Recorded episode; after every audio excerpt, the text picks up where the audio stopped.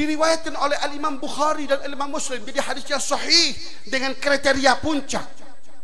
Rasul Muhammad SAW suatu malam didapati menangis sesungguhkan seorang diri dan tangisan Rasul Muhammad SAW itu menyebabkan Allah memerintahkan Jibril alaihissalam untuk turun menemui Rasul Muhammad sallallahu alaihi wasallam.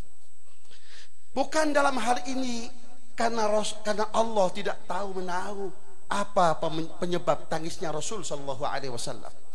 Tapi lebih dimaksud agar masyarakat dunia tahu betapa istimewanya Rasul kita Muhammad.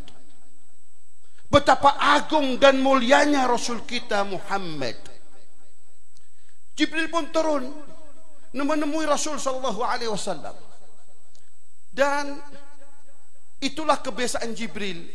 Acap kali berinteraksi dengan Rasul Muhammad Shallallahu Alaihi Wasallam.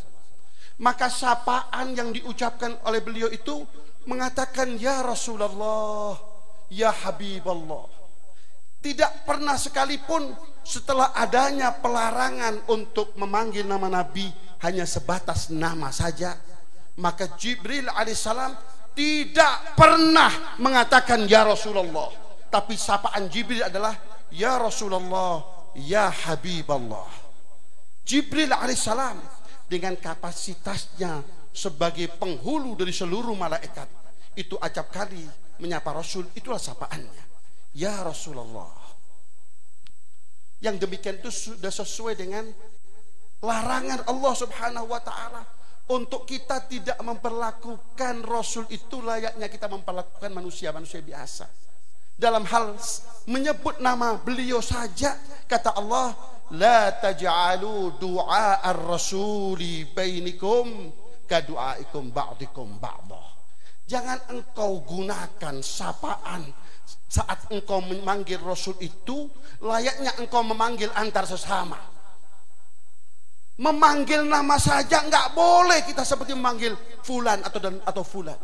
Tapi memanggil beliau ya Rasulullah, ya Nabi Allah, ya Habib Allah. Itulah yang seyogyanya kita lakukan. Memanggil nama saja nggak boleh, apalagi yang nyeleneh-nyeleneh.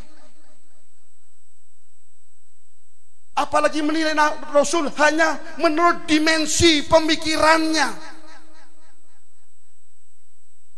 Akal saya nggak tutup. Ya akalnya sampai sampai di mana itu? Kalau menyebut nama saja nggak boleh, apalagi yang lain.